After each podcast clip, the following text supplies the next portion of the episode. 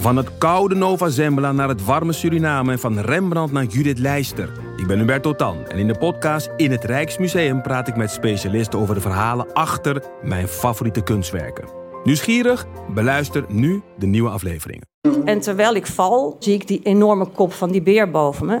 In de wekelijkse podcast Echt Gebeurd worden al meer dan 10 jaar mooie, grappige, spannende en ontroerende verhalen verteld door de mensen die ze zelf hebben beleefd.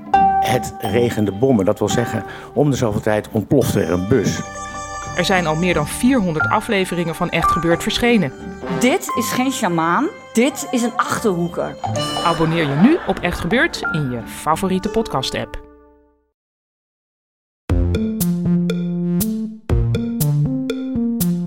Hallo daar, fijn dat je luistert naar Boeken FM. Heb je een vraag voor ons? Stuur dan een mail naar boekenfm.dasmag.nl. En we zijn ook te vinden op Instagram, boekenfm. Wil je nou nooit meer een aflevering van ons missen? Abonneer je dan nu in je eigen podcast-app. En geef ons ook vooral een heleboel sterren en recensies. Dan zijn we ook zichtbaarder voor anderen die ons misschien willen luisteren. Ja, dat, dat moeten we er inderdaad ook nog bij zeggen. Die Alissa die gaat naar Duitsland. En dan komt hij er jaren later tegen. Ik bedoel, hij weet wel dat ze nog leeft, want de politie heeft het onderzocht. En die zeggen dan van oké, nou ze is niet vermoord, want ze leeft nog. Ze is Toch, bij de ouders langs mag geweest. onderbreken. Dat Ga je vind hem ik... onderbreken? Hallo allemaal en welkom bij Boeken FM, de literaire podcast van uitgeverij Das Mag en Weekblad De Groene Amsterdammer. Ik zit hier met mijn co-hosts Joost de Vries en Marja Pruis. Welkom. Hallo. Hallo. En welkom ook aan jullie, luisteraars. Zoals altijd zitten we in de studio's van Podimo. Oh ja, jij zegt nu Ja. Podimo. Volledig overgekocht door de Denen ben jij. Ja, Ehm, ik ben wel echt commercieel gegaan. jullie zijn... Dus eh, ik kan ook eindeloos veel reclames maken. Ik weet, ik jullie weten het vast, jullie zitten erop te wachten. Op een gegeven moment komt hij gewoon, take 10. Misschien Ja. komt hij wel nu, misschien komt hij over 10 Nee. minuten. Maar komt gewoon als jullie het Ik niet ben er nog niet klaar voor. Nou, ik ga nou over chilled classics van Starbucks. Nou goed, dan weten jullie dat alvast. Joost geniet erg van de ad-reads. Ehm, jullie kunnen je misschien herinneren dat we een tijdje geleden weer een prijsvraag eh, hebben uitgeroepen. En toen zijn we helemaal vergeten om eh, onze winnaars... Stel eh, even wat de prijsvraag was en wat ze konden winnen. ja, ik was onderweg, Joost. Oh, sorry. Ik ben, ik ben gewoon Oude heel eager. Van lang kraat. geleden dat we hebben opgenomen. Eh, we zijn allemaal een beetje op vakantie geweest. Ja. Joost is bruin geworden. Eh Marja niet, want zij was er in, midden in een storm aan het wutheren. Maar wel heel literair verantwoord. En Charlotte wordt niet bruin. Ik word, nooit, ik word roze. Eh, in ieder geval, de prijsvraag was... je kon eh eh, Ellens boekje in de maandenreeks van Das Mag kon je winnen, april. En daarvoor vroegen we jullie eigenlijk om iets te weten over haar. Dat je misschien als je aandachtig luisteraar van de podcast bent... wel had kunnen weten. Eh, tot onze grote teleurstelling blijken wij geen aandachtige luisteraars te hebben. Niemand heeft het juiste antwoord gegeven. De vraag die we hadden over Ellen was... wat is haar favoriete snack? Die ze altijd haar soort van signature snack die ze altijd bij zich heeft en die ze dan eet als ze even een flauwte tegemoet gaat. Eh, en we hebben wel wat goede antwoorden gekregen. Die zal ik eerst aan jullie voorlezen, de winnaars. De drie De winnaars. drie winnaars. En jullie, jullie zullen dan ook contact, we zullen contact met jullie opnemen en dan krijgen jullie het boek toegestuurd. Eh, en dan zal ik daarna vertellen wat het juiste antwoord was. Eh, we kregen vanuit ons buurland een zotte suggestie. Wat ik leuk vind dat ze dat zelf hebben opgeschreven. Letterkoekjes. Of zoals ze over de grens heten, niknakjes. Eh, ik zie haar zo kleine gedichtjes maken met die koekjes. Nou, hele aardige suggestie. Dit was Mart die deze suggestie deed. Eh, voor haar zus Lien, die komende maand 35 wordt. Dus alvast gefeliciteerd Lien. Je cadeautje komt jouw kant op. Dan eh, was er de suggestie van Olaf. Die onze podcast van een paar weken geleden erg serieus heeft genomen. En ons schreef dat hij denkt dat Ellen snackt op heksendrop van het merk Heksenhiel. Leuk. Eh, we zullen niet de suggestie al te serieus nemen dat Ellen heksen dingen eet. Eh, en de derde winnaar is degene die zei dat eh, Ellen solidair is met haar cavia's en het liefst worteltjes eet. Allemaal hele goede antwoorden, jongens. Helaas was, het, was er maar één juist antwoord. En dat was de snelle Jelle. Dat zit er echt vol mee, hè? Ja, Ja. Ja. Maar welke snelle jelle? Het is de Nou. blauwe snelle jelle. Je hebt ook een groene snelle jelle en een roze snelle jelle. En het is de blauwe. maar dat is de klassieke snelle jelle. Oh, dat is de klassieke. Zonder opsmuk, volgens mij. Ja. Het is dus niet de off-brand snelle Jelle, vlugge Jaapie. Ja. Maar gewoon de echte En snelle dat Jelle. is, dat, is, is dat, dat is de ontbijtkoek. Ja. Heb ik wel verteld over mijn carrière als eh, ontbijtkoek mapper. Wat is dit ja, nu dit weer? Was echt, dit was een van mijn favoriete dingen. We gingen altijd met mijn ouders. God, wat haat ik dat. Gingen we altijd naar een voorseizoenplaats. Dus kortom, gingen het hele voorjaar gingen we elk weekend naar de camping. Mhm. In, ah, wat haat ik dat. Wat heb ik me daar verveeld. Zelfde camping steeds. Ja, ja, bij de Harskamperdennen en, en bij gewoon de Veluwe. Ik kan allemaal Harskamperdennen liedjes, als jullie willen. Eh, maar wat we dan gingen doen, was dat elk weekend was er ergens een braderij. In, in van die Veluwse Braderie. dorpjes, een braderie. Een braderie. Eh, en dan kon je altijd, was er zo'n stand. En dan kon je nou voor, voor 1 euro, eh, kon je koek slaan. En dan kreeg je een soort hele lange steel. Eh, een soort van, zeg maar, van een bezemsteel, maar dan zonder het bezemgedeelte. En dan eh, was er een, eh, een kruidkoek of een ontbijtkoek. En als je die met één klap in tweeën sloeg, Mhm. dan mocht je hem hebben. Maar de grond op? Nou, gewoon, ja, ik bedoel, hij lag op een tafel en moest je zo slaan. Dat was gewoon, Is dit een regionale sport? Of ik wat? weet niet, maar het was wel echt het hoogtepunt van mijn weekend altijd. Dus natuurlijk voor toen hadden we nog maar Nederland 1. Hilversum 3 bestond nog niet. Eh, bedankt voor je anekdote, Ja, Joost. dankjewel. Heb je nu wel de prijswinnaars genoemd eigenlijk? Ja. Ik kan me Mart herinneren. Maar Ehm, ja, nee, eigenlijk Mart, eh, Eva is onze prijswinnaar en Olaf met zijn heksen erop. Oh, ja. Oké. Eh, dus zij zullen binnenkort dan eh, van Merel horen. Mart, Eva en Olaf. Eh, Wat een lucky dogs. allemaal hele frisse mensen die naar ons luisteren. Mhm. Eh, maar we zullen het natuurlijk ook even over inhoud moeten hebben. Dus we gaan vandaag een boek bespreken dat jullie misschien al veelvuldig eh, bij mensen thuis hebben zien liggen. Want de verkoop loopt enorm goed. Het is in januari denk ik uitgekomen. En volgens mij staat het sindsdien in de CPNB top 60. En dat gaat om Lessons van Ian McEwan. Eh, Nederlands vertaald door Harm Damsa en Niek Miedema als Lesson. Lesson. Met een prachtig omslag, vind ik. Van een jongetje met het gewicht van de wereld op zijn schouders. dat piano aan het oefenen is. Eh, en daar gaat eigenlijk het boek ook een beetje over. Misschien wil jij ons vertellen eh, eh, hoe het boek in elkaar zit, Joost. Nou, ik zal je vertellen. Het boek gaat over ene Roland Baines. En het is een boek eigenlijk nou, niet van, van kribben tot graf, maar wel bijna. Dus het is echt een heel levensverhaal van iemand die... Eigenlijk begint het verhaal als hij ongeveer elf is. Eh, hij groeit op met zijn ouders in Libië. Zijn, zijn, ouders, zijn vader zit in het Britse leger. Eh, en hij, het begint eigenlijk het verhaal als hij naar Engeland wordt gestuurd om daar naar kostschool te gaan. En het volgt het boek, het, het verhaal volgt hem eigenlijk totdat hij ergens in de zeventig is. En, eh, het is een soort van verhaal van een leven. En daardoor ook heel erg een verhaal van een tijd, van de 20ste eeuw. En twee dominante verhalen zijn eigenlijk door elkaar verstrengeld in het boek. En dat is dus allereerst dat hij eh, als jongen op een kostschool komt, zijn ouders heel erg mist. En dan moet hij piano spelen. En dan zit de juf zit om hem heen. Eh, haar parfum bedwelde zijn zintuigen en maakte hem doof. Het was een afgeronde, nogal zoetige geur, net een hard voorwerp. Een gladde steen in een rivier, die ze aan zijn denken opdrong. Drie jaar later zou erachter komen dat het rozenwater is. En dan is hij aan het toetsen. En dan denkt hij alleen maar, zij was muzikaal, hij niet. Hij wist dat ze met haar gedachten elders was. Dat hij met zijn onbeduidend haar, hij het haar verveelde. De zoveelste kostschooljongen met inkt op zijn handen. Zijn vingers drukten de toonloze toetsen in. Hij zag de lastige plek al voor hij die bereikte. Het gebeurde al voordat het gebeurde. De fout kwam op hem af. De armen moedelijk uitgestrekt, klaar om hem in één keer op te tillen. Altijd dezelfde fout die hem kwam halen, zonder de belofte van een zoen. En zo ging hij. De duif, de, zijn duim leidde een eigen leven. En hij heeft dus een hele strenge juf. En hij is als de dood voor haar. En hij speelt piano. En opeens, ja, grijpt ze hem in zijn kruis ongeveer. En Wordt wel heel decent beschreven. dat wordt decent beschreven. Hij is 14, zij is in de 20. Nou ja, als dat grijpen, dat vindt plaats als je elf is, toch? Ja, als hij 11 is. Ja, ja, Ja. ja. Als hij 11 is. En eh, Gaat zijn broekspijp in of zo, toch? Ja, ze knijpt hem heel hard in zijn lies. Ja. oh, onder dat zijn het. broekje. Ja, zijn Eh, broekje. ja. Eh, dus ja, het is op zich bijna. Hij interpreteert het dan vo- vooral als straf. Als een straf. Ja, alleen dan een keer daarna heeft hij les van en dan zoent ze hem.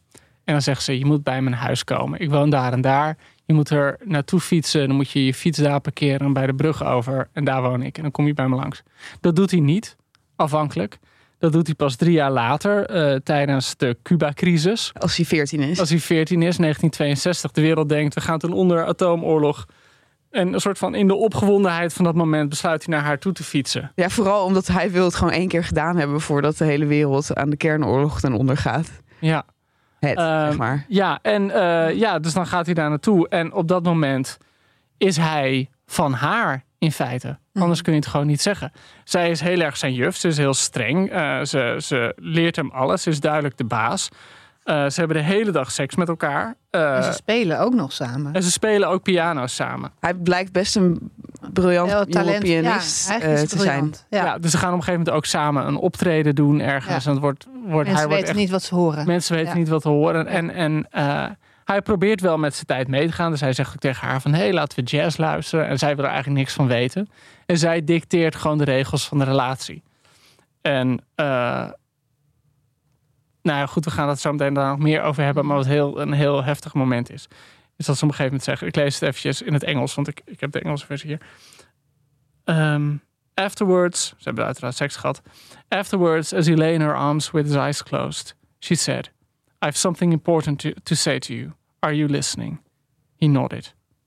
I love you. I love you very much. You belong to me and to no one else. You're mine and you'll stay that way. Do you understand, Roland? I understand. En dat is eigenlijk heel duidelijk de, de machtsdynamiek tussen, tussen die twee. Dus dat is één kant van het verhaal. Dat gaat dus heel erg, van, zoals ik al zei, dat boek speelt zich over vele decennia af.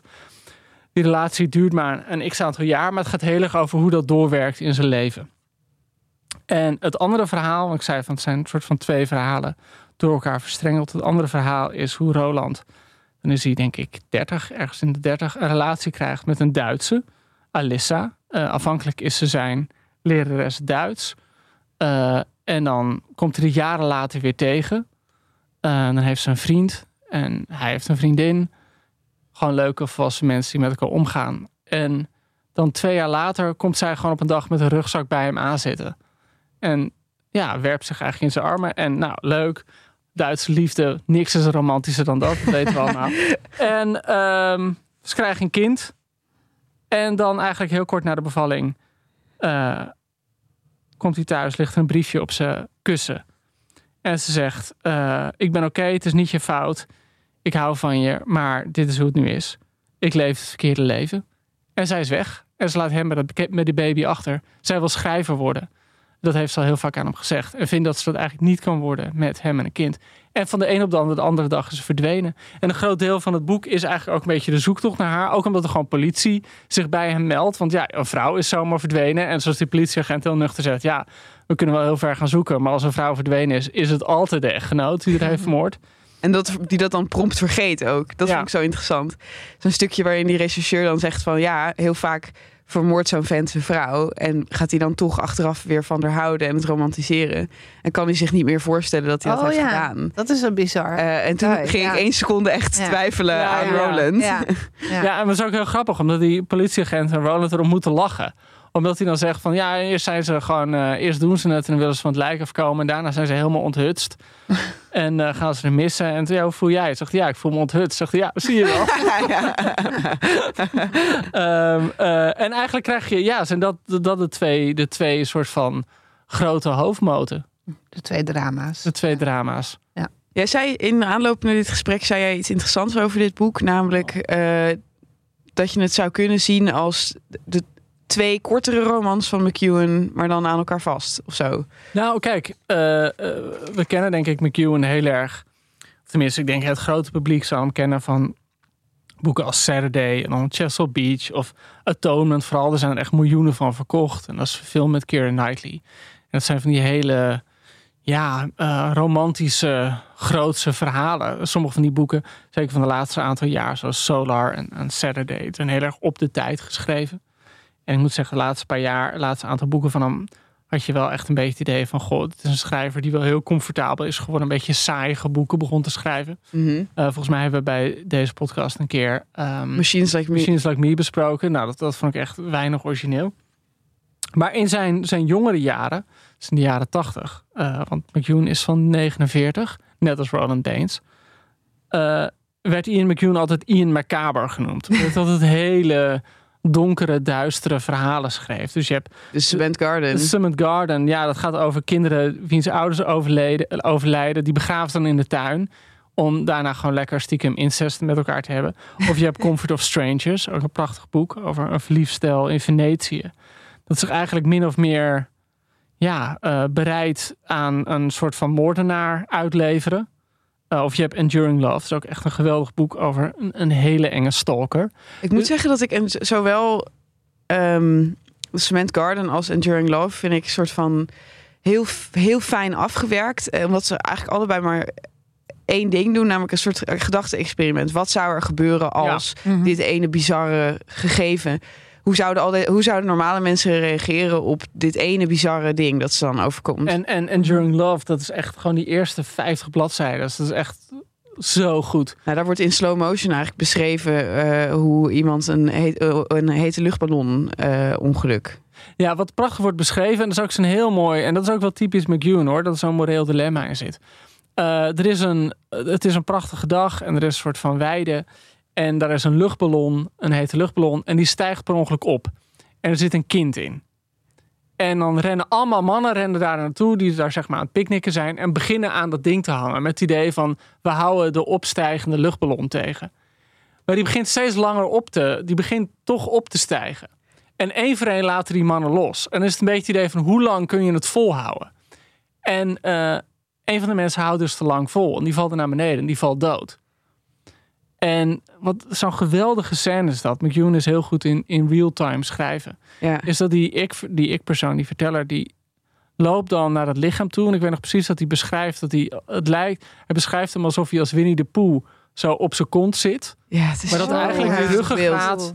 Ja. Als een harmonica in elkaar is ja. geschoven. Afschuwelijk. ja. En hij loopt er naartoe met een andere man. Ik ben die naam even vergeten van die andere man. Ja, maar je moet niet het hele plot Nee, nee, van, wil Enduring Love even weggeven. Maar in ieder dan- geval dat in ieder geval, ze ene moment. En, en, eh, maar ja, dat mag ik wel zeggen, want ik Ja. heb al gezegd dat het over ging. Dan hebben ze dat gewoon, dat vreselijke moment samen. En dan die man is gewoon helemaal overstuur, uiteraard. En die zit dan s'avonds thuis, gaat de telefoon. Dan neemt hij op en is die andere man. Zegt hij, ik hou van je. En dan begint gewoon een vreselijke stalkingsverhaal. Ja, maar dat Goed, ik zo wat, vet wat, aan wat ik dus, wat ik dus wilde zeggen, want ik, ik kwijt af en ik ben veel te veel aan het woord. Ehm, dat eigenlijk eh, Lessons dus twee van die novelles bevat, als het ware. Ik bedoel, je kan je heel goed voorstellen dat als dit McEwan in zijn jonge jaren was geweest, had hij alleen dat verhaal verteld van die 40 jaar- 14-jarige jongen met zijn juf. En was dat gewoon een heel afgerond, puntgaaf, eh, wa- wat jij al zei, zo'n soort van wat als dit gebeurt verhaal. En aan de andere kant dat verhaal van die vrouw die opeens verdwenen is en de politie meldt zich bij hem, dat het ook een perfect soort van macaber Ian McEwan verhaal kunnen zijn. Ja. En nu heeft hij die twee, die twee verhalen aan elkaar gekoppeld. En ja, vult hij het met leven en met ouderdom en met afscheid nemen. En gewoon ouder worden, je kinderen zien opgroeien, eh, de wereld zien veranderen. Maar heb jij een favoriete McEwan? Eh, mijn favoriete McEwan is The Comfort of Strangers. Waarom? Eh, ik vond dat ook wel echt een heel... Ja, macaber is wel het woord. Ik vond het fascinerend. Het gaat erg over obsessie. Over een stel wat eigenlijk misschien op elkaar is uitgekeken... maar toch in een soort broeierigheid aan elkaar blijft plakken... op een hotelkamer in Venetië. En die, hun obsessie voor elkaar wordt weerspiegeld in die van een vrij duistere figuur... die ze tegenkomen eh, in- Venetië op straat. En die eh, hun in zijn web spint. En daar ook op een hele verbale manier aanvankelijk. En die hun mee naar zijn huis leidt. En dan blijkt dat de vrouw van die enge man heeft ook een obsessie voor de, de jonge man van het stel. En dat Oh ja. is zo'n gek gespiegeld verhaal. Het is ook een beetje onduidelijk waar het nou precies over gaat. Maar de sfeer is gewoon ja, heel eh onheilspellend, mooi, broeierig, sensueel, seksueel en eng. Alles ja, van die mensen die weten, dit is het gevaar. Ja. Maar zich toch er niet van Toch kunnen niet weerhouden kunnen, nee. daar naartoe te gaan. Nee. Dat komt er vaak in voor. Wat er ook vaak, vaak in voorkomt is eh, ja, de, de minuscule details van een huwelijk. En hoe twee mensen zeg maar lang samen kunnen Ja. zijn. Eh, en alles van elkaar kunnen weten en toch vreemden voor elkaar Ja. kunnen zijn. Ja. Wat is dan jouw favoriet? Heb jij een favoriete McEwan? Dat is denk ik een Enduring Love. Al- Als het niet de Cement Garden is. Want ik was gewoon zo onder de indruk van dat dat zijn eerste roman was. Ja.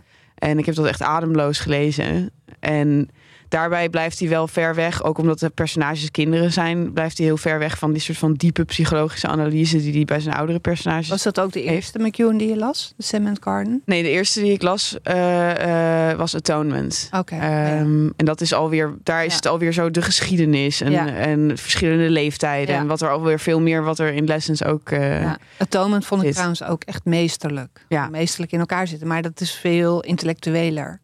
Gewoon omdat het zo'n constructie is. Nou, en wat er in Atonement heel erg zit, wat, wat we misschien later ook nog even over lessons gaan bespreken, is zo'n bespiegeling over het schrijven zelf. Ja. En de vreedheid van de schrijver versus. Ja, verzoekgeving. Ja, precies. Ja. Ehm, Ik had wel wat, wat Joost net zei over eh, nou, wat jij dan in real time schrijven noemt. Weet je wel, dat hij zo gewoon stilstaat bij het kleine moment. Het begin van dit boek, ook van lessen, vond ik zo, ook zo ja, onheilspellend en omineus. En Bedoel je die jongen achter de piano? die jongen achter ja. de piano. Ja, het is zo goed gedaan. nou ja, hebben jullie Wat dat betreft lijkt het Ja. wel op het begin van Enduring En hij Love. schrijft zo heel mooi. Hij Ja. zit achter die piano en hij weet, ik ga het fout doen. Ja, Ja. Dat je echt precies als kind zo helemaal weet. van, Ik moet nu ja. iets doen wat ik eigenlijk niet aan kan. ja, en ik zit hier met een volwassene die ik Ja. eigenlijk niet ken en voor wie ik bang ben. Nou ja, en daar, daar zit de dreiging al vanaf helemaal Ja. vanaf het begin erin. Grappig, ik had het nog helemaal niet gelezen als soort van gothic of macaber, maar dat is het wel. Ja, Ja, maar nee, toch, je ik- kan je ja. voorstellen als hij er een andere draai aan had gegeven... of dit op een ander moment in zijn carrière geschreven had... dan was het dat geworden, denk ik. Ja, dat denk ik ook. Maar dan had het weer een ander gewicht gekregen. Eh, want ik vond zelf gewoon eh, dat hij niet op een hele morele manier dit beschrijft of zo. Dat dit gebeurt. Ik bedoel, hij laat wel heel goed zien in hoeverre die jongen hierdoor getekend is de rest van zijn leven. Maar ik had dit boek op mijn bureau liggen en toen kwam een collega langs en zei: Oh, dat is dat misbruikboek. En toen dacht ik echt misbruik. Ik weet je, ik begreep eigenlijk niet meteen waar ze het over had Ja, ja. dacht ik, nee, zo heb ik het ook helemaal niet gelezen. Ik vond het eigenlijk ook een hele mooie geschiedenis die hij beschrijft. Ja, maar het is denk ik ook omdat... Kijk, wat ik al zei, dit is zo'n boek dat zich ongeveer van het wieg tot het graf afspeelt. En die Roland, die vraagt zich denk ik ook zijn hele leven af... wat er nou gebeurd is Ja. en hoe hem dat beïnvloed heeft. Ja. En hij vertelt dat hij het in zijn leven dan maar aan twee keer aan een vrouw heeft verteld. En dat die allebei er op een manier op reageren van... oh, dus daarom zit je zo in elkaar. Ja. En oh, je bent getraumatiseerd. En dat hij dan denkt, hè, maar dat klopt helemaal niet. Maar dus dat- dat je ook wel meteen begrijpt, oh ja, daarom kan je beter zo'n verhaal gewoon niet vertellen. Want de, de ander maakt het toch gewoon kapot. ja. In die zin is Roland ook wel een beetje ouderwets. Hij, hij is nooit in therapie gegaan of wat dan ook. Hij weigert op een of andere manier dit verhaal te confronteren, Ja. toch? Dat zou een hedendaagse Roland zou dat zou heel anders aanpakken. Roland is eh, van 1949, geloof ik. Ja, ja, Eh, dus, dus dat is gewoon helemaal... Ja, ik bedoel, hij is, hij is gewoon een, een, regelrechte oude boomer. Bij wie ik- nooit in zou opkomen om, om in therapie te gaan. En weet je, het is ook gewoon zo iemand die zijn hele leven leidt. En hij is eigenlijk gewoon een beetje... eh, ja, hij is, hij, zijn vrouw gaat bij hem weg. Dus hij, hij moet zijn zoon opvoeden. Een Lawrence. kind, Lawrence. eh, hij is eigenlijk ambitieus dichter, maar dat komt er nooit echt van. Nee. Hij is heel getalenteerd pianist, komt er ook nooit helemaal van. Ik bedoel, carrière technisch is het iemand die nooit heel ambitieus Nou is ja, geweest. dat- en daarom ja. kan je je afvragen van misschien kent hij niet helemaal dat gegeven dat je keihard zit te werken, deadline na deadline. En dat je gewoon Oh. helemaal vergeet om pauze te nemen. God, oh. En je weet Ik zat er net zo lekker in. En je weet wat ik nou altijd zeg. Als je gewoon heel hard zit te werken. We kennen het allemaal wel. Soms vergeet je gewoon helemaal eventjes take 10 te nemen. Gewoon even 10 minuten voor jezelf. Even weg van je beeldscherm.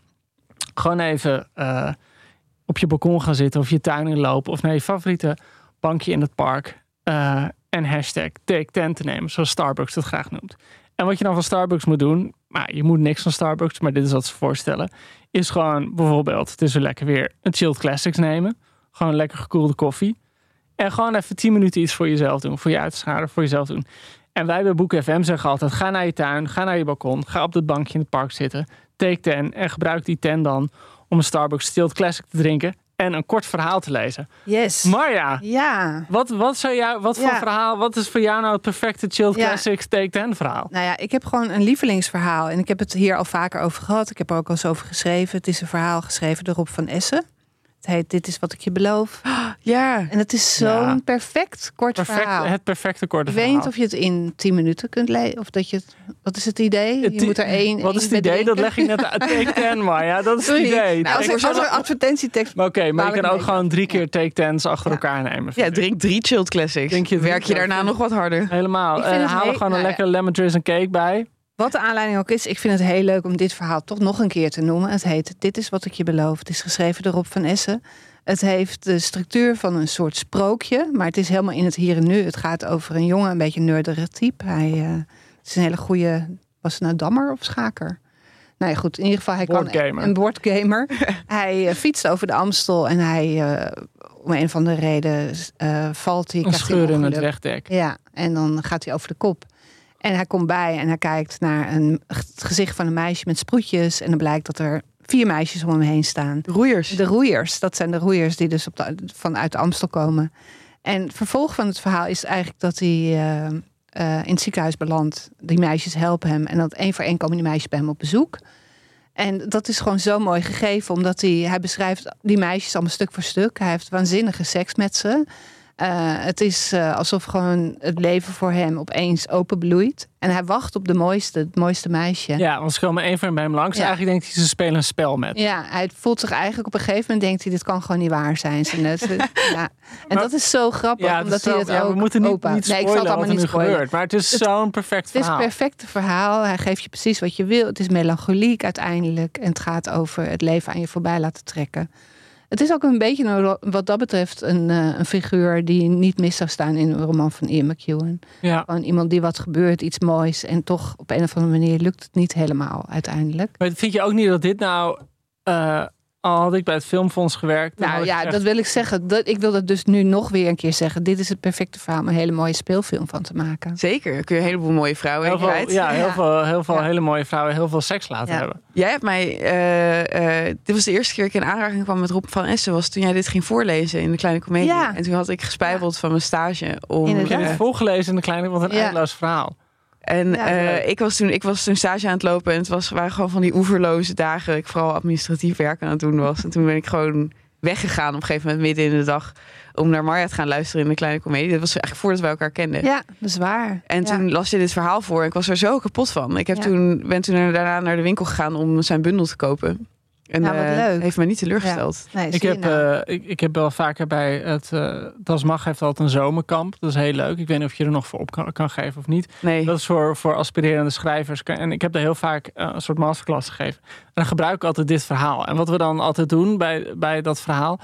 is dat we het met de hele groep tegelijk voorlezen aan elkaar. En dan bij elke witregel... Dus, dus je bent omsbeurd en bij elke witregel moet de persoon naast je moet verder lezen. Mhm. Wat altijd heel eh, spannend is, omdat er gewoon ergens halfwege eh, het verhaal gewoon een enorme, super expliciete seksscène is. Dus je weet altijd van tevoren, één iemand is de lul. Het meest Eh, verlegen, het meest verlegen, zachtpratende persoon is dan heel, op een of andere manier heel vaak degene die, die aan de beurt is. Ja.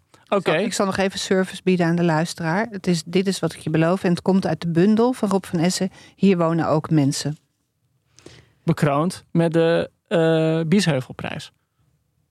Is dat zo? Dat is zo. Oh, oké. Ehm, Oké, vind wat dus interessant, eh, eh, overlap is tussen het verhaal van Rob van Essen en het boek dat we nu aan het lezen is, zijn, hebben gelezen, is een citaat dat in lessen staat: How easy it was to drift through an unchosen life. Dat is het gevoel dat, dat Roland op een gegeven moment heeft van oké, Ja, eigenlijk niets aan wat mijn leven, de vorm die mijn leven nu heeft, daaraan heb ik niets gekozen. Zelfs, hè, hij blijkt een soort muzikaal genie, maar dat is hem, die lessen zijn hem opgedrongen. ja. Eh, hij was eigenlijk Ja, voorover gestruikeld, dat talent in, heeft er toen geen gebruik van gemaakt. Nee, hij speelt gewoon in, in restaurants en hotels speelt hij eh, showtunes. Ja, hij heeft op een gegeven moment in zijn leven heeft hij eventjes geld, maar dat is omdat hij dan uit een soort gemakzucht teksten voor op eh, eh, prentbriefkaarten is gaan schrijven voor een investeerder, vriend van hem. Dus niets aan zijn leven heeft hij. Hij is een tijdje gekozen. ambitieus dichter, dus hij krijgt ook wel een aantal gedichten geplaatst in literaire tijdschriften. echt zo drie. Ja, maar inderdaad, ja, zo zes of zo. Weet je, gewoon niet dat hij er een bundel van kan maken. Niet dat er, dat er na, navraag is of zo. Dat er, dat er vraag. eh, Nee, hij reageert alleen maar. Hij reageert op alles, komt op zijn pad. Ongevraagd, ongezocht. En het grappige is dat Hij is hij daar passief. in het midden van zijn leven voelt hij. Ziet hij dat als een falen van zichzelf? En dan Ja. zegt hij dus dit: hè, how, how easy it was to drift through an unchosen life. Maar later in zijn leven, als hij wat ouder en wat milder wordt, beseft hij dat eigenlijk alles in zijn leven zo had moeten gaan. Dat hij kan gewoon geen verkeerde beslissing terugvinden in zijn, in zijn leven. Eh, en dat, dat zorgt voor een soort. Hij zit dan gewoon in zichzelf te denken van: oké, maar ook dat mijn vrouw toen bij me wegging, had dat dan anders moeten zijn? Mhm. Nee, eh, want zij is daarna eh, de grootste schrijver van Duitsland ja, dat, geworden. dat moeten we er inderdaad ook nog bij zeggen. Die Alissa die gaat naar Duitsland. En dan komt hij er jaren later tegen. Ik bedoel, hij weet wel dat ze nog leeft, want de politie heeft het onderzocht. En die zeggen dan van oké, nou ze is niet vermoord, want ze leeft nog. Ze is Toch, bij de ouders langs mag geweest. onderbreken. Dat je ik, onderbreken? ik vind dat best een beetje lastig aan praten over deze roman. Want het is een roman vol verrassingen en vol Ja. plotwendingen. En eh, deel van het plezier van het lezen is ook dat Ian McEwan zo'n ongelooflijk lezersvriendelijke schrijver is. Ja. Dat hij uiteindelijk alles voor je oplost ook. Ja. Maar om het nu al te gaan zeggen. Ik bedoel, ik vond ook. Ik liet me wel iedere keer aan de hand nemen door hem en liet me verrassen. Ja, Ik, oh, gaan we nu dit doen? Ja. Oh, we gaan nu ook die nog zien. nee, misschien wel? geldt het dan nu als een waarschuwing voor mensen die het nog willen lezen. Dat, En je moet het sowieso. Maar ik denk niet als ik. Ik ga nu vertellen wat ik nu ga vertellen. En ik heb niet het gevoel dat ik daarmee iets. Dat, niet dat, ik, dat ik daarmee een raadsel oplos. Want eh, hij komt dan. Hij is in Duitsland ja. naar de val van de muur. Want eh, eh, iedereen wil dan naar Duitsland toe. En wie ziet hij dan zitten op een terrasje? Namelijk zijn, zijn vrouw. En die heeft dan net een roman geschreven. Is nog niet gepubliceerd. Hij krijgt de drukproef mee.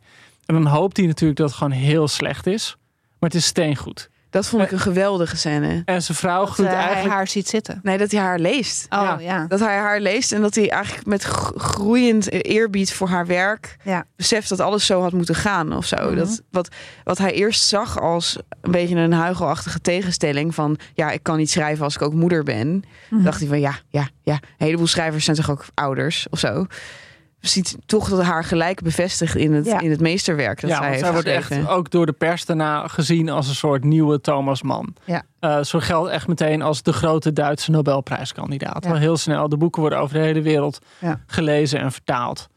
Eh, maar ik vind het toch wel interessant. Ik, ik, ik ben wel benieuwd hoe jullie even kijken. Want voor mijn gevoel is McEwan ook wel een beetje, eh, ja, een beetje een pestkop Mhm. naar eh, toch een soort van de populaire mythe van de vrouwelijke schrijver. Het idee van de vrouw.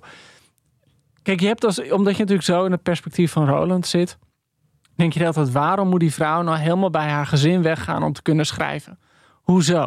Hij daagt je heel erg uit om de hele te denken: zo nodig hoeft dat toch niet? Eh, het komt zo onsympathiek over. En zo.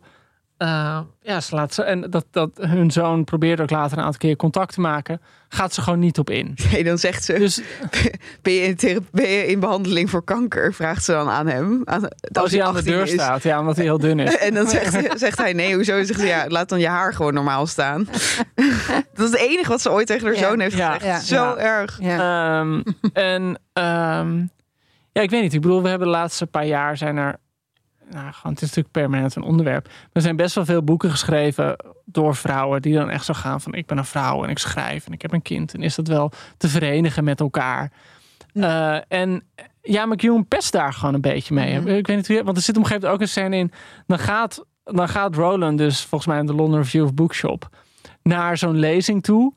Eh, waarin allemaal feministische schrijvers heel boos aan doen zijn. Eh, en dan zeggen ze eigenlijk zoveel van mannen zouden dit nooit doen. En hij zit gewoon nog net niet met die baby op schoot. Ja. En hij denkt van ja, als ik nu ga zeggen het is mij overkomen, dan word ik ook uitgelachen. Ja. ja, ik Vind het het als zeker. pesten? Zou Nee, ik, maar ik vind het wel een beetje een licht satirisch element of zo. Zo zie ik het eigenlijk meer. Bedoelt Hij, omdat, speelt omdat Alissa zo ontzettend de boeman is hierin. Ja. Ja, ik hoorde van iemand die zei van... oh, hij beschrijft een schrijfster... het is gebaseerd op Doris Lessing. Nou, Doris Lessing die is op een gegeven moment weggegaan... bij haar man en kinderen. Hij heeft wel één kind meegenomen, maar de rest... Ook leuk, om dan, om dan zeg maar een aantal kinderen eh, liet ze achter in Afrika. Zuid-Afrika. In Zuid-Afrika. Ja. En dan één kind neem je mee. Ja. Het is zo fokt op. Ja, en met dat ene kind is het ook niet echt goed afgelopen. Maar goed, dat is een ander Maar ze heeft later wel weer andere kinderen Jenny geadopteerd. Disky. Jouw grote Ja. voorbeeld, Jenny Ja, Disky ja. inderdaad. Ja. Oké, maar, Maar dat is goed, toch een grotere eh, vraag. Eh, wat er wordt besproken in die lezing waar Roland heen gaat. Uit natuurlijk nieuwsgierigheid naar wat andere mensen eigenlijk van zijn verhaal zouden vinden. Eh, ook al weten zij natuurlijk niet wie hij is. Ehm, de vraag die wordt gesteld tijdens die lezing is: is de vreedheid van de schrijver gerechtvaardigd? En heeft de kwaliteit van het werk. Staat die in proportie met hoe vreed je mag zijn als kunstenaar? Mhm. En het antwoord van degene die die lezing geeft is uiteindelijk van nee, vreedheid en talent, eh, vreedheid van schrijver en de kwaliteit van het werk kunnen allebei naast elkaar bestaan. En de vreedheid eh, is gewoon zoals elke, elke vreedheid. eh, en mogen we op dezelfde manier afkeuren. En het werk is goed als het werk goed is. En het heeft niks met elkaar te maken of zo. Ja, dat is natuurlijk heel interessant. Ja, er is ja. net zo'n boek verschenen van Claire Dederer. Dederer. Eh, eh, Monsters heet het. En dat is te koop bij jou in de winkel. Ja. Eh, en zij heeft toen een essay geschreven dat toen viral ging. Zeg maar in de nasleep van Me Too. ze, dat essay heet geloof ik, How do, we, How do we deal with the art of monstrous men? En dat ging dus ook heel erg over van wat doen we met kunstenaars die we voor hun kunst bewonderen, maar waarvan we weten dat het gewoon vreselijk gewelddadige, verkrachtende, vrouwenvriendelijke figuren waren. Het ging al over Picasso specifiek. Ja, nou niet alleen over Picasso, ook over Woody Allen. En eigenlijk kon je heel veel. Maar het ging ook over. Dat boek gaat ook over J.K. Rowling en over, ook over Doris Lessing. Inderdaad, van kun je dat aan elkaar koppelen? Mhm. En nou, ze doet, niet, ze doet er niet heel erg een uitspraak over. Maar behalve dan dat je er uiteindelijk gewoon niet uitkomt. Je moet toch het, het van elkaar zien te scheiden. Hoe denken jullie hier dan over? Zelf? Ja, ik ben een witte man, dus ik voel me altijd daar. eh, Oh, nu geef je het podium even Ja, aan ons. ja, Net ik als samenvatting moet worden gegeven. nee. Nee, maar ik, waar vraag je nu precies dan de reactie op? Nou, dat dilemma van... Kijk, op een of andere manier is het voor Roland namelijk een, een, een troost... dat Alyssa een, een genie blijkt te zijn. Ja, maar dat is ook wat vaak wordt gezegd, toch? Nou, laat het dan maar een goed boek zijn. Nou, maar, dat is, maar dat is dus het verneukeratieve wat er een Ja. beetje in zit. En waarom ik het gevoel dat hij er een beetje mee pest. Dat ehm, hij voert het ook een beetje op alsof ehm, als een man zijn gezin laat sti- stikken, is het een genie. Maar omdat zij het als vrouw heeft gedaan, vinden ook sommige mensen vreselijk hoor in, in, in zeg maar zijn verhaal. Maar voor andere mensen zien het ook een beetje een soort van geuzendaad. Van kijk eens, Ja, een vrouw zegt- die de gezin verlaat, wat is die toegewijd aan de Het kunst? wordt ook in ieder levensbeschrijving van haar als eerste feit genoemd. Ze heeft haar gezin achter zich gelaten. Nou, Ja, als maar een soort- noodzakelijk offer aan Ja, de kunst. Maar het is met Eh, een soort van instemming een soort er dan. mystificatie, Ja. mythologie. Nou ja, maar ik snap het wel. Want, want Alyssa's psychologie is natuurlijk ook ingewikkelder dan alleen dat ze een groot schrijver wil worden. Eh, zij worstelt heel erg met het feit dat haar moeder een groot schrijver had willen worden. Hm. En dat nooit geworden is. Ja, ik moet zeggen, dat is echt voor mij, eh, vind ik dat een van de mooiste passages. Hoofdstuk, het is volgens mij als een kort verhaal, heeft het ook in de New Yorker gestaan. Dat is het verhaal van haar moeder, dat is een Amerikaanse, die dan kort na de oorlog eh, naar Europa gaat voor een literair tijdschrift in Amerika om over de Witte Roos te schrijven. Dus dat is die verzetsorganisatie van Sophie Scholl. Ehm, en eigenlijk ja, eh, wordt ze daar, gaat ze dan allemaal mensen interviewen die bij de Witte Roos betrokken eh, waren. En raakt ze verliefd op een. En eigenlijk wat een soort van heel groot literair verhaal had moeten worden, wordt een liefdesverhaal. Met als gevolg dat ze eh, met die man trouwt, kinderen of, of die dochter krijgt. En dat boek nooit, dat prachtige literaire verhaal dat ze eigenlijk in haar handen heeft, niet schrijft. Omdat ze ehm Alyssa moet opvoeden. En, en zij denkt inderdaad dan heel duidelijk van... ik mag niet dezelfde fout maken als die mijn moeder heeft gemaakt. Ja, dus Ja. Alyssa's set is, is persoonlijker dan alleen van ik ben een vrouw en Ja. dus ik moet iets in de Mhm. geschiedenis rechtzetten. Het is ook nee, gewoon. dat is het niet. Nee. Eh, maar zo wordt zij wel misschien gelezen door eh, in al die interviews die ze Ja. dan geeft, waar, waarin eh, man en kind in, Mhm. in, in Londen eh, eh, als een soort wapenfeit worden genoemd. Ja. Ik vind eigenlijk dat M- McEwan het wel geloofwaardig maakt. Dat die vrouw het nodig heeft om weg te gaan. In er eentje ergens te gaan zitten. Het is een heel eigenaardig iemand. Alyssa. Ja, Ja, ja, ze is ook op geen enkele manier geschikt om, Nee. om dit te zijn. Ik bedoel, ze, ze, ze, ze wordt een soort kluizenaar. Ja. Gaat, gaat ver buiten Berlijn wonen. ja en ik vind ook dat hij niet op een, eh, ja, op een spottende manier... of ook maar iets schrijft waardoor je een weerzin tegen haar zou kunnen krijgen. Of haar zou kunnen veroordelen. Ik vond eigenlijk een volstrekt geloofwaardige figuur. Behalve dat hij heeft er wel voor gekozen om eh, eh, haar meteen de grootste schrijfster van haar tijd te maken. Ja, maar dat vond ik heerlijk. Ja, ik vond het ook fijn. Maar dat Ja. vond ik, ik voelde me toen gemanipuleerd. Hè, dat ik dacht, oké, eh, hij pakt dat boek op. Het blijkt briljant. Het blijkt niet alleen dat boek blijkt briljant. Het boek daarna ook, het boek daarna ook. Ze wordt, staat op de Nobelprijs shortlist, weet ik veel, alles. Eh, eh, eh, en eh, aan het einde blijkt gewoon dat de eh, afdruk die zij heeft achtergelaten op de literatuur eigenlijk niet groter had kunnen zijn. Maar Nou, nou, behalve dat ze een dus beetje half gecanceld wordt. Ja, aan het eind suggereert hij toch. over ja.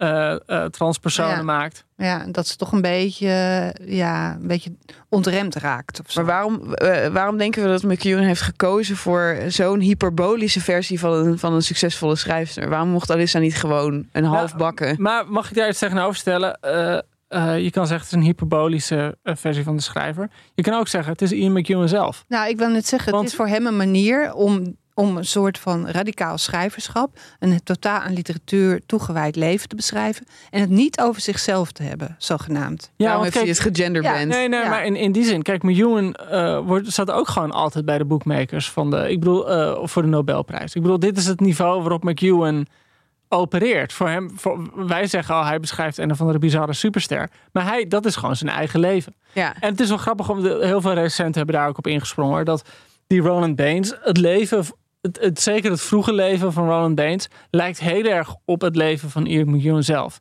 Hij komt ook uit zo'n militaire gezin. Hij is ook pas op latere leeftijd naar Engeland gekomen. Hij is toen ook op zo'n troosteloze kost. Nou, hij werd naar Eton gestuurd. eh eh, Roland naar een iets minder chique kostschool. Eh, eigenlijk volgens hij heeft ook later ontdekt dat hij nog een broer had waarvan hij niet wist dat hij die had. Ehm, dus Misschien is hij ook seksueel heel onmatig. Nou, hij staat wel achterin dat Wel hij een nooit grote neuker, toch? dat hij eh, eh, eh, zat, zat achterin bij dat de verantwoording dat hij, dat hij nooit zo'n pianolerares heeft gehad. Oh. Het voelt heel erg, heel veel in, Engel, in Engeland werd het al heel veel recent gezegd. Het voelt alsof hij bijna zijn eigen leven heeft geprobeerd te beschrijven, minus de literatuur. Alsof hij gezegd heeft: Dit is hoe mijn leven eruit zou hebben gezien. als niet ik was gaan schrijven, maar mijn geliefde was gaan schrijven. Ja, ja. Dus het voelt bijna aan alsof hij een soort contraleven voor zichzelf heeft bedacht.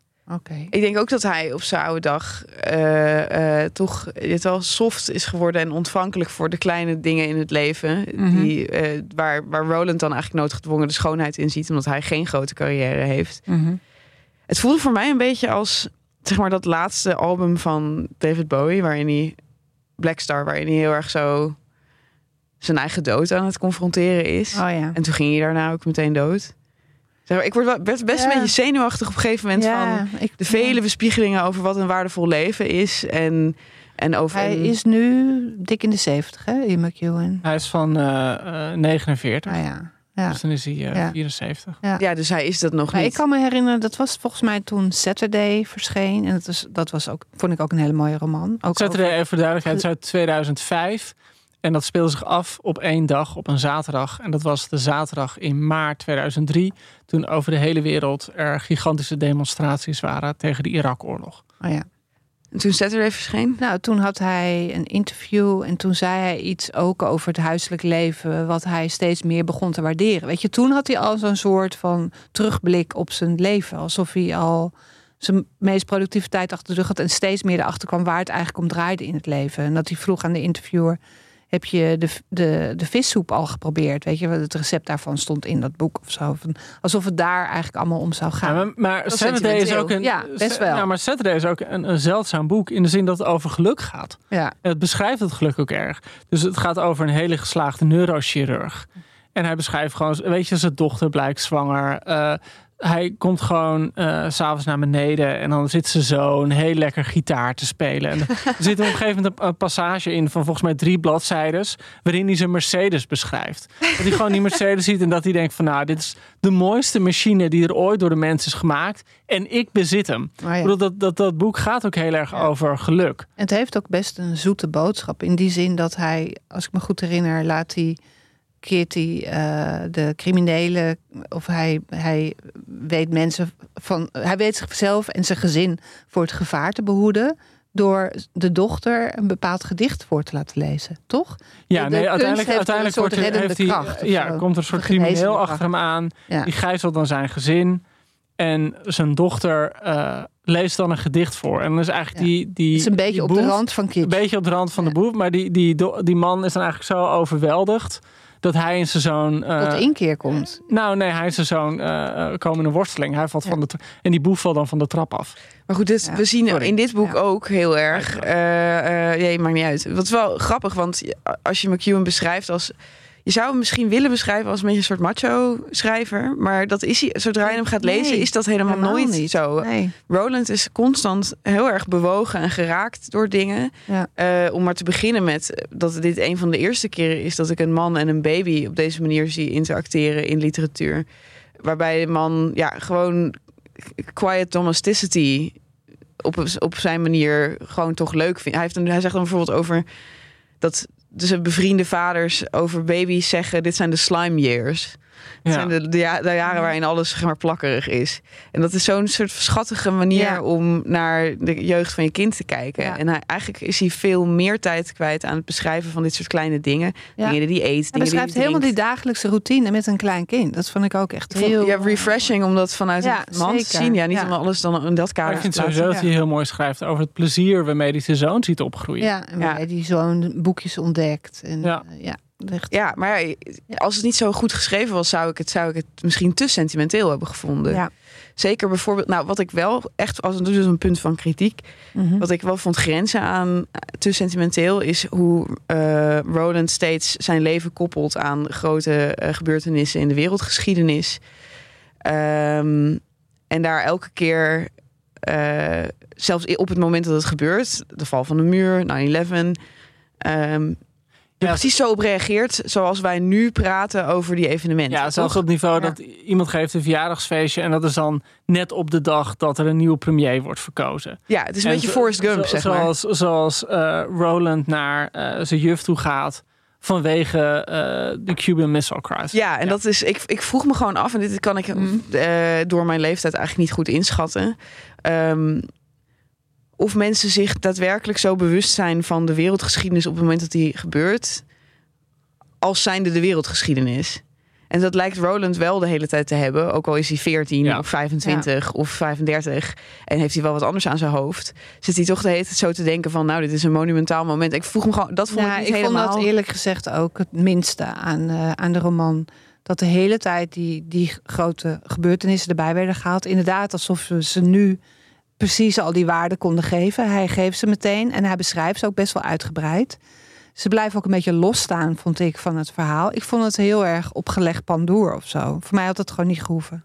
Nee, en ik denk wel dat de gebeurtenissen die hij beschrijft, dus gewoon corona of september, eh, de verkiezing van Nieuw Labour, eh, de val van de muur, Cubaanse rakettencrisis, dat waren natuurlijk ook dingen die op dat moment zelf werden ervaren als grote gebeurtenissen. Maar het is dan wel heel toevallig dat er dan steeds uitgerekend in die week er ook dan iets groots in zijn leven Maar ik vond het best een beetje knullig gedaan. Ja, ik vond het ook Ja. helemaal niet nodig Nee. op een of andere manier. Nee. Nou, oké, het geeft wel op zich voor mij dan een, een, een, een eh, vrij volledig inzicht in de, eh, hoe de mentaliteit van boomers tot stand gekomen is dan of zo. Oh ja. Die eh, eh, eh, dat enorme vertrouwen in de toekomst dat voortkwam uit de val van de muur en de enorme angst die voortkwam uit 9-11. Nou, dat hebben, kunnen we nu allemaal wel Ja. gewoon zeg maar blind beschrijven of zo. Maar omdat het dan gekoppeld wordt aan specifiek zijn leven, denk je toch wel van, oh ja, hij wordt daar echt heel erg door gevormd. Door, door die Ja, ik vond dat, ook, dat vond ik trouwens dan wel weer mooi. Ook hoe hij beschrijft dat hij die vriendschap heeft met die Oost-Duitse mensen. Weet je wel, dat hij Ja. later smokkelt. Ja. Dacht ik, oh ja, dat hele beklemmende, juist voor de val, vond ik wel heel goed beschreven ook weer door hem. Ja. Dus ja, Ja, en wat, wat natuurlijk ook Ja. wel bij past in die zin, jij zei het al even, is het echt een boomer. In de zin dat hij zo'n man is die door het leven gaat zonder over zichzelf na te denken. Zonder dat hyperbewustzijn dat de generaties na hem wel kregen. mhm. En ik vind dat wel mooi gedaan. Dat, dat het, heeft, het is geen personage, of het is geen ik-persoon die het woord is. Het is een derde persoon beschreven. Maar je krijgt, hebt wel helemaal zijn blik. En hij komt heel nuchter over en heel kalm. Maar dan op een gegeven moment spreekt hij met mensen die hij dan lang niet heeft gezien. Of, of, en die zeggen, ja man, jij was altijd zo met seks bezig. Dat was de enige manier waarop je emoties kon uiten. Dat was de hele dag seks. En dan af en toe krijg je dus opeens zo'n blik van hem te zien door de ogen van iemand anders. En, zie je, en eigenlijk alleen op die momenten zie je van er is gewoon heel veel met hem aan de hand. Meer dan dat hij zelf erkent. Ja. En in die zin ga je dan weer nadenken over hoe dat met die juf is geweest. En wat het nou precies voor hem heeft betekend. Eh, dat hij aan de ene kant volgens mij in al zijn relaties soort van de onderdanige partij is geweest. ja, hij valt altijd op dit soort Ja, van domineering die- vrouwen. Ja, van die bazige vrouwen. Het feit dat hij ehm, eh, in relaties genegenheid niet uit kan drukken in soort van gesprek. Eh, want ja, de, de, zijn, zijn blauwdruk is gewoon een relatie met zijn juf, waarin hij niet terug mocht praten, maar zij verordeneerde hoe de wereld in elkaar zat. Dus dat zit niet in. Dus het enige wat er overblijft is die seks de hele tijd. En eigenlijk met terugwerkende kracht wordt het echt een beetje als gênant. Terug van ja, jij was gewoon een man Hé, je kon maar één ding. En op een andere manier kon je niet Ja, maar tegelijkertijd kunnen jullie herinneren, wordt er wel seks beschreven in deze roman? Nee, maar dat is dus In het grappige. Dat het in bijzinnen. Ja, gewoon Nee, zo maar- van, oh, ze hadden seks. En dat was Ja. het dan. Ja. Nou, er wordt beschreven dat de juf hem heel veel dingen leert. ja, maar niet wat. Nee, Alleen maar nee, dat ze ja. eh, verzaligd en verzadigd Nou, op een gegeven moment... Nee, goed, dit vind ik echt Ja, om uit te spreken. Ja. Maar er wordt wel wat explicieter gezegd op een gegeven moment. Ja, ja. Ja, ja, ja. Maar het gekke, het gekke is inderdaad het van, eh, van, eh, van dit perspectief dat hij dus niet heeft op zichzelf, is dat als hij dan toch een keer weer Lissa komt te spreken over hun relatie, dat eh, ehm, zij hele specifieke incidenten noemt waarop hij eh, eh, eh, haar overheerste in bed eigenlijk. Eh, of zijn wens dan gewoon te groot was voor haar om te bolwerken. Denk je van ja, zelf. Haar wens was te groot om te bolwerken. ja, nee, vind ik mooi. Wat vind je, wil je nou weer tussen van mij of zo? Nou Ja. ja, goed, anyway. Eh, eh, en dat hij dat gewoon nog nooit over zichzelf heeft gedacht. Nee, maar de lezer ook niet. Nee, dat daardoor zo niet. knap Ja, in het ja. boek. We zitten gewoon 500 bladzijden, wat is het? Zitten we in hem. En dan opeens krijg je vrij tegen het eind, krijg je, wordt de blik gespiegeld. Weet je wel, dan krijg je een, een blik op hem die je zelf nog niet eens hebt kunnen ontwikkelen. En terwijl het toch heel geloofwaardig is. Dat vond ik echt Ja. ongelooflijk goed, eh, goed gedaan. Waar ik wel ehm, het benauwd van kreeg, was het, dat hij steeds blijft benadrukken dat bijna alles dat je overkomt in je leven ontglipt je ook weer. Je vergeet gewoon alles. Eh, eh, hij beseft op een gegeven moment in zijn leven van oké, ik moet nu toch een dagboek gaan bijhouden. En ja, Eh, hij kijkt naar foto's van toen hij jong was. Hij herkent, hij herkent de mensen niet met wie hij op de foto's staat. Hij kan zich het incident niet meer herinneren dat gefotografeerd is. Hij kan zich een concert herinneren waar hij dan met iemand heen was van wie hij hield, maar hij weet niet meer wie het was. Niet omdat hij dan aan het dementeren is, maar omdat het leven nou eenmaal razendsnel aan je voorbij gaat. Daardoor, daardoor deed het me zo denken aan nou ja, dat, dat worstelen met je sterfelijkheid dat Bowie had gedaan. En ja, ik vroeg me af of het een boek was dat, dat eigenlijk daarover ging. Over dat het leven zo snel gaat. En dat je eigenlijk maar dat- zelf heel weinig ingrepen doet erin. Nou ja, nog even los van die ingrepen die je doet. Eh, eh, daar valt inderdaad ook heel veel over te zeggen. En, maar het gevoel is inderdaad, en dat, eigenlijk ben ik altijd heel gevoelig voor dit soort boeken die zo'n hele leven beschrijven. Omdat het inderdaad laat zien hoe snel het leven gaat. En hoe dingen die op een bepaald moment heel belangrijk voor je zijn, tien jaar later helemaal niet meer belangrijk voor je zijn. En dat bepaalde mensen die je misschien afhankelijk niet zo ziet zitten of niet zo bijzonder vindt, dat die eigenlijk gewoon over een periode van 30 jaar de meest constante factor in je leven blijken te zijn. Ja, doodeng vond ik dat. Ik zat meteen zo naar aan al mijn vrienden te denken van... Ga ik gewoon tot aan mijn graf nog met jullie chillen? Ja, mag ik dan nu een stukje voorlezen wat ik heel mooi vond? Wat helemaal dit dat ja is. Absoluut. Maar er was nog wel die kern die iedereen vergeet wanneer een liefde verder verdwijnt in het verleden. Hoe het was, hoe het voelde en smaakte om secondenlang, minutenlang, dagenlang samen te zijn voordat alles vanzelfsprekend werd en vervolgens werd verworpen en weggedrukt door het verhaal over hoe het allemaal was afgelopen en daarna door de beschamende tekortkomingen van het geheugen. Het paradijs of de hel, niemand die zich er veel van herinnert. Affaires en huwelijken van lang geleden gaan lijken op ansichtkaarten uit het verleden. Een korte opmerking over het weer, een klein verhaaltje, grappig of treurig, een kleurrijk plaatje aan de andere kant. Het eerste wat verdween, dacht Roland toen hij op haar huis afliep, was het ongrijpbare ik, hoe je zelf precies was, hoe je op anderen overkwam. Ik vond het dus. eh, gek genoeg dacht ik zo op driekwart van het boek van hé, hey, hij gaat indicatief schrijven. Maar tegen het eind krijg je weer dit soort passages die het einde van het boek, zeg maar de laatste honderd bladzijden, toch tot een enorm intense leeservaring maken. Ja, Ik had echt moeite bij sommige passages om ze met droge ogen te lezen. ik heb ook ontzettend veel gehaald tijdens Ja. dit boek. Maar dit, gaat wat jij net voorlas... sterfelijkheid. Ja, wat jij net voorlas, ik, het is gewoon, dat is toch gewoon diep Ja, het is angstaanjagend. angstaanjagend. Ja. Eh, eh, en nou ja, het is allemaal, ik heb nog wel veel jaren in het verschiet of zo. Maar het was, ik, ik heb nog niet, in lange tijd niet zo scherp mijn sterfelijkheid gevoeld als toen Ja. ik dit boek aan het lezen was. Hij beschrijft ook- heel erg het lichamelijk verval, maar hij beschrijft ook het afscheid nemen van mensen. Hij beschrijft de dood. Maar ook hoe banaal Ja. dat is. En het, de een volgt het ander logisch op. Ja, maar en het- toch is hij ook weer niet vreed. Dat vond ik ook heel goed gedaan. Omdat hij, hij wordt eigenlijk af en toe dus genoodzaakt om iets te vertellen over zijn verhouding met zijn pianolerares. Die blijkt dus zo betekenisvol te zijn in zijn leven. Hij vertelt erover. Hij heeft het er ook over met die politieinspecteur. En dan toch zegt hij aan het eind van... maar wat er, waar het echt om ging, dat kan hij nooit aan iemand zeggen. En dat weten alleen hij en zij. Ja, en maar dat, dat, maakt, weet hij dus ook nog. dat maakt het allemaal nog vergankelijker op een of andere manier. Ja, Nou ja, het laat gewoon zien dat, dat er een bepaalde kern is waar uiteindelijk nooit iemand bij Nee. kan komen. Ja. Ja, ja. Om nog even terug te gaan naar dan de band tussen het echte leven en het beschreven leven, waar het Mhm. ook wel vaak over gaat in het boek, omdat Roland eigenlijk in het werk van Alissa altijd op zoek is naar een versie van zichzelf. en die die helemaal aan het in ja, laatste ja, precies. Ja, en, tegen. hij, en, Ja. en dat zij en hij haar dan uiteindelijk ook confronteert met: hè, je hebt van mij iemand gemaakt die ik niet was. Dat zij hem dan echt een, echt een streng lesje leert over hoe je moet lezen, hoe, hoe je een boek moet lezen. En Ja. dat een boek gewoon fictie is, gewoon fictie. Ja, en dat ze tegen hem zegt, hij zegt van je hebt mij beschreven. En dan zegt ze, hij is twee meter en hij heeft een paardenstaart. Van, Natuurlijk Ja. ben jij het. Ja. Nee, Eh. maar er zit toch iets groters in over. eh, eh, over wat je moet met dat, al dat leven dat je hebt opgebouwd. En als je dan iets wil gaan schrijven. Aan het einde wekt Roland de suggestie dat hij een boek misschien gaat schrijven. Beetje, beetje flauw, van dan denk je, oh, het is het boek dat wij nu in handen hebben. Eh, eh, Maar dan zou hij een atonementje plegen. ja, dat is natuurlijk. Ja. Maar dat heeft, is, heeft hij dus wel in huis. Dat, Ja. dat is best Ja, flauwe eh, boeken doet hij dat ook. eh, truc. Heel flauw. Ehm, eh, ja, en, en wat is dan je verplichting als schrijver naar de werkelijkheid? Ja, want op een gegeven moment gaat hij ook naar een bijeenkomst toe. En het gaat dan over ehm, de gedichten De Dolphin van ehm, Robert Lowell.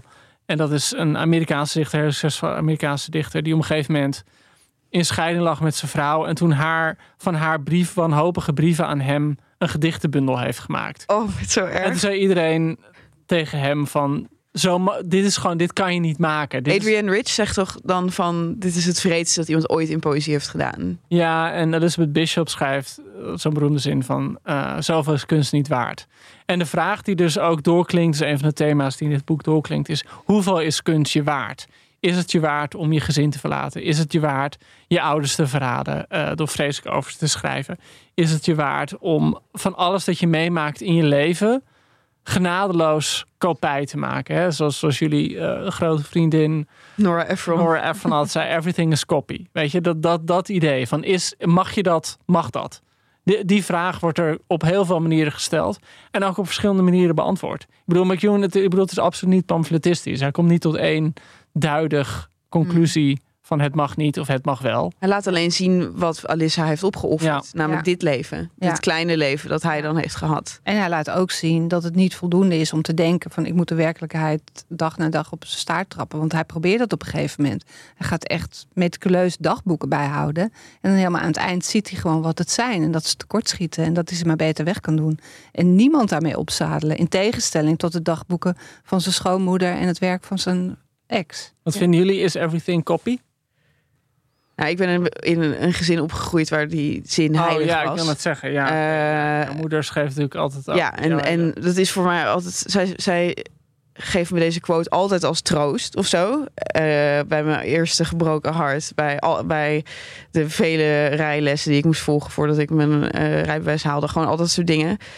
Dat wuift ze allemaal zo weg met van. Daar kun je later wat mee. Je, weet wel, daar kun, je kunt er altijd nog over schrijven en dat maakt dat heiligt het of zo. En dat, die, dat geloof heb ik wel geïnternaliseerd. Aan de andere kant denk ik dat je niet gelukkig wordt van schrijven. Dus je kunt maar beter gewoon eh, Leven. leven en zorgen dat je gelukkig bent, zoals, zoals Roland dat dan doet, dan jezelf opsluiten van het leven en, je, en dan te denken: oké, ik leef om te schrijven Mm. of zo. Ja. Ja, maar ja, iets eh, wel op een andere manier dan die vraag van jou: is everything copy? Denk ik van eh, nee. Eh, je moet gewoon de mensen in je omgeving beschermen. En je kunt niet alles opschrijven. En dat is het ook gewoon niet waard. Nou, ik, ik, zat, ik zit er nu ook over na te denken. En ik denk ook, ik heb bepaalde dingen meegemaakt die me zo waardevol zijn, dat ik daar niet een verhaaltje van zou willen maken. Hm. Of dat ik niet zou denken van, ik moet dit nu vergulden. Ik moet dit soldaat maken voor een boek of een verhaal of weet ik veel wat. Nee, ben je dan ja. niet bang om het te vergeten? Nee, dat niet. Maar nee, want dat, dat zijn wel gewoon belangrijke dingen. Maar dan denk ik, die zijn gewoon van mezelf. En die hoef ik niet, ja, die heb ik niet nodig op die manier.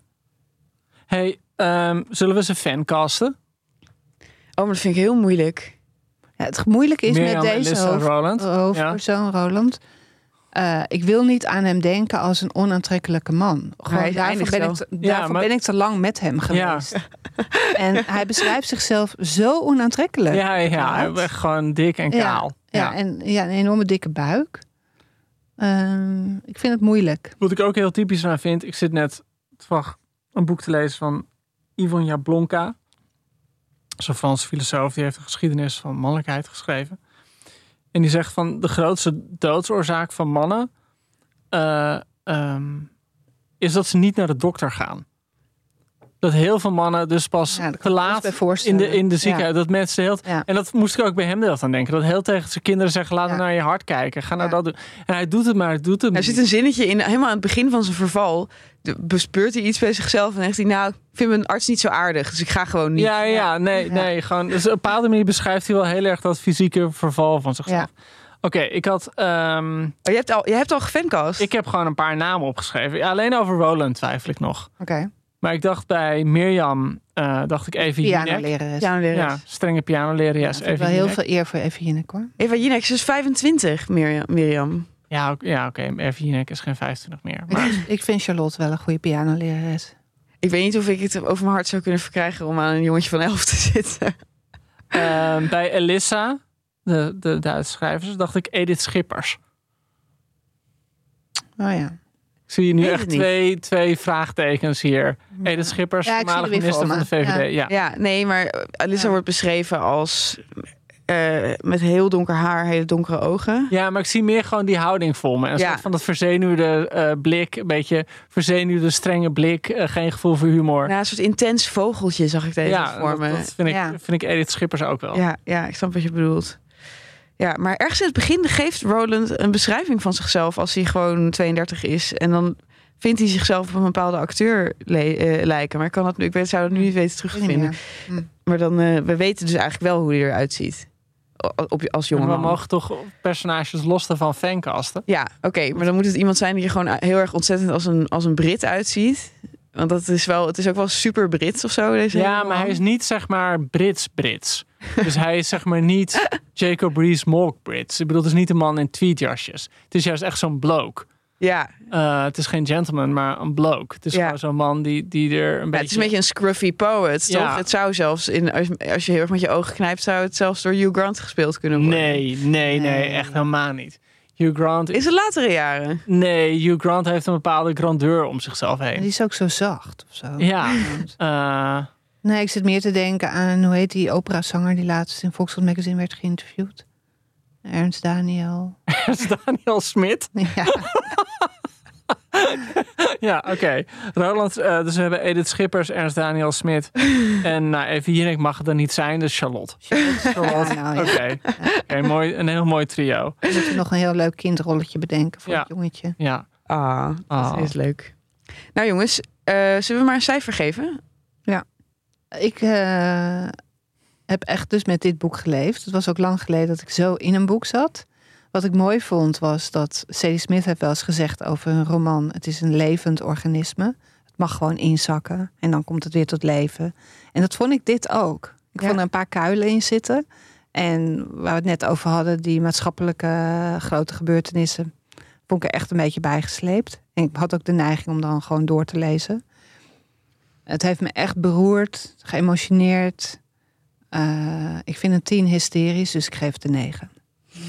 Oké. Charlotte?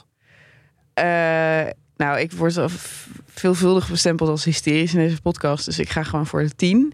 Jezus, Charlotte. Maar alleen omdat, kijk, ik vond, heb een paar mankementen genoemd.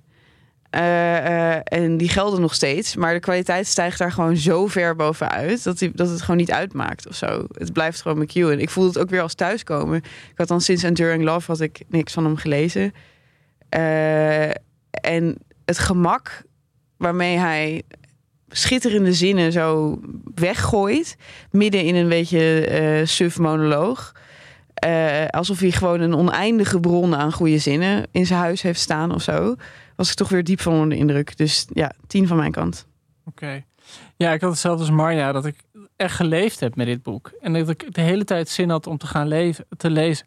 En ja, ik bedoel, dit is een boek. Ik bedoel, we hebben het heel uitgebreid over die twee verhaallijnen. Maar het zit gewoon zo vol met leven. Anders kan ik het niet noemen. Het gaat gewoon over ouder worden. Het gaat over afscheid nemen. Het gaat over liefde en haat. Het gaat over kinderen en ouders.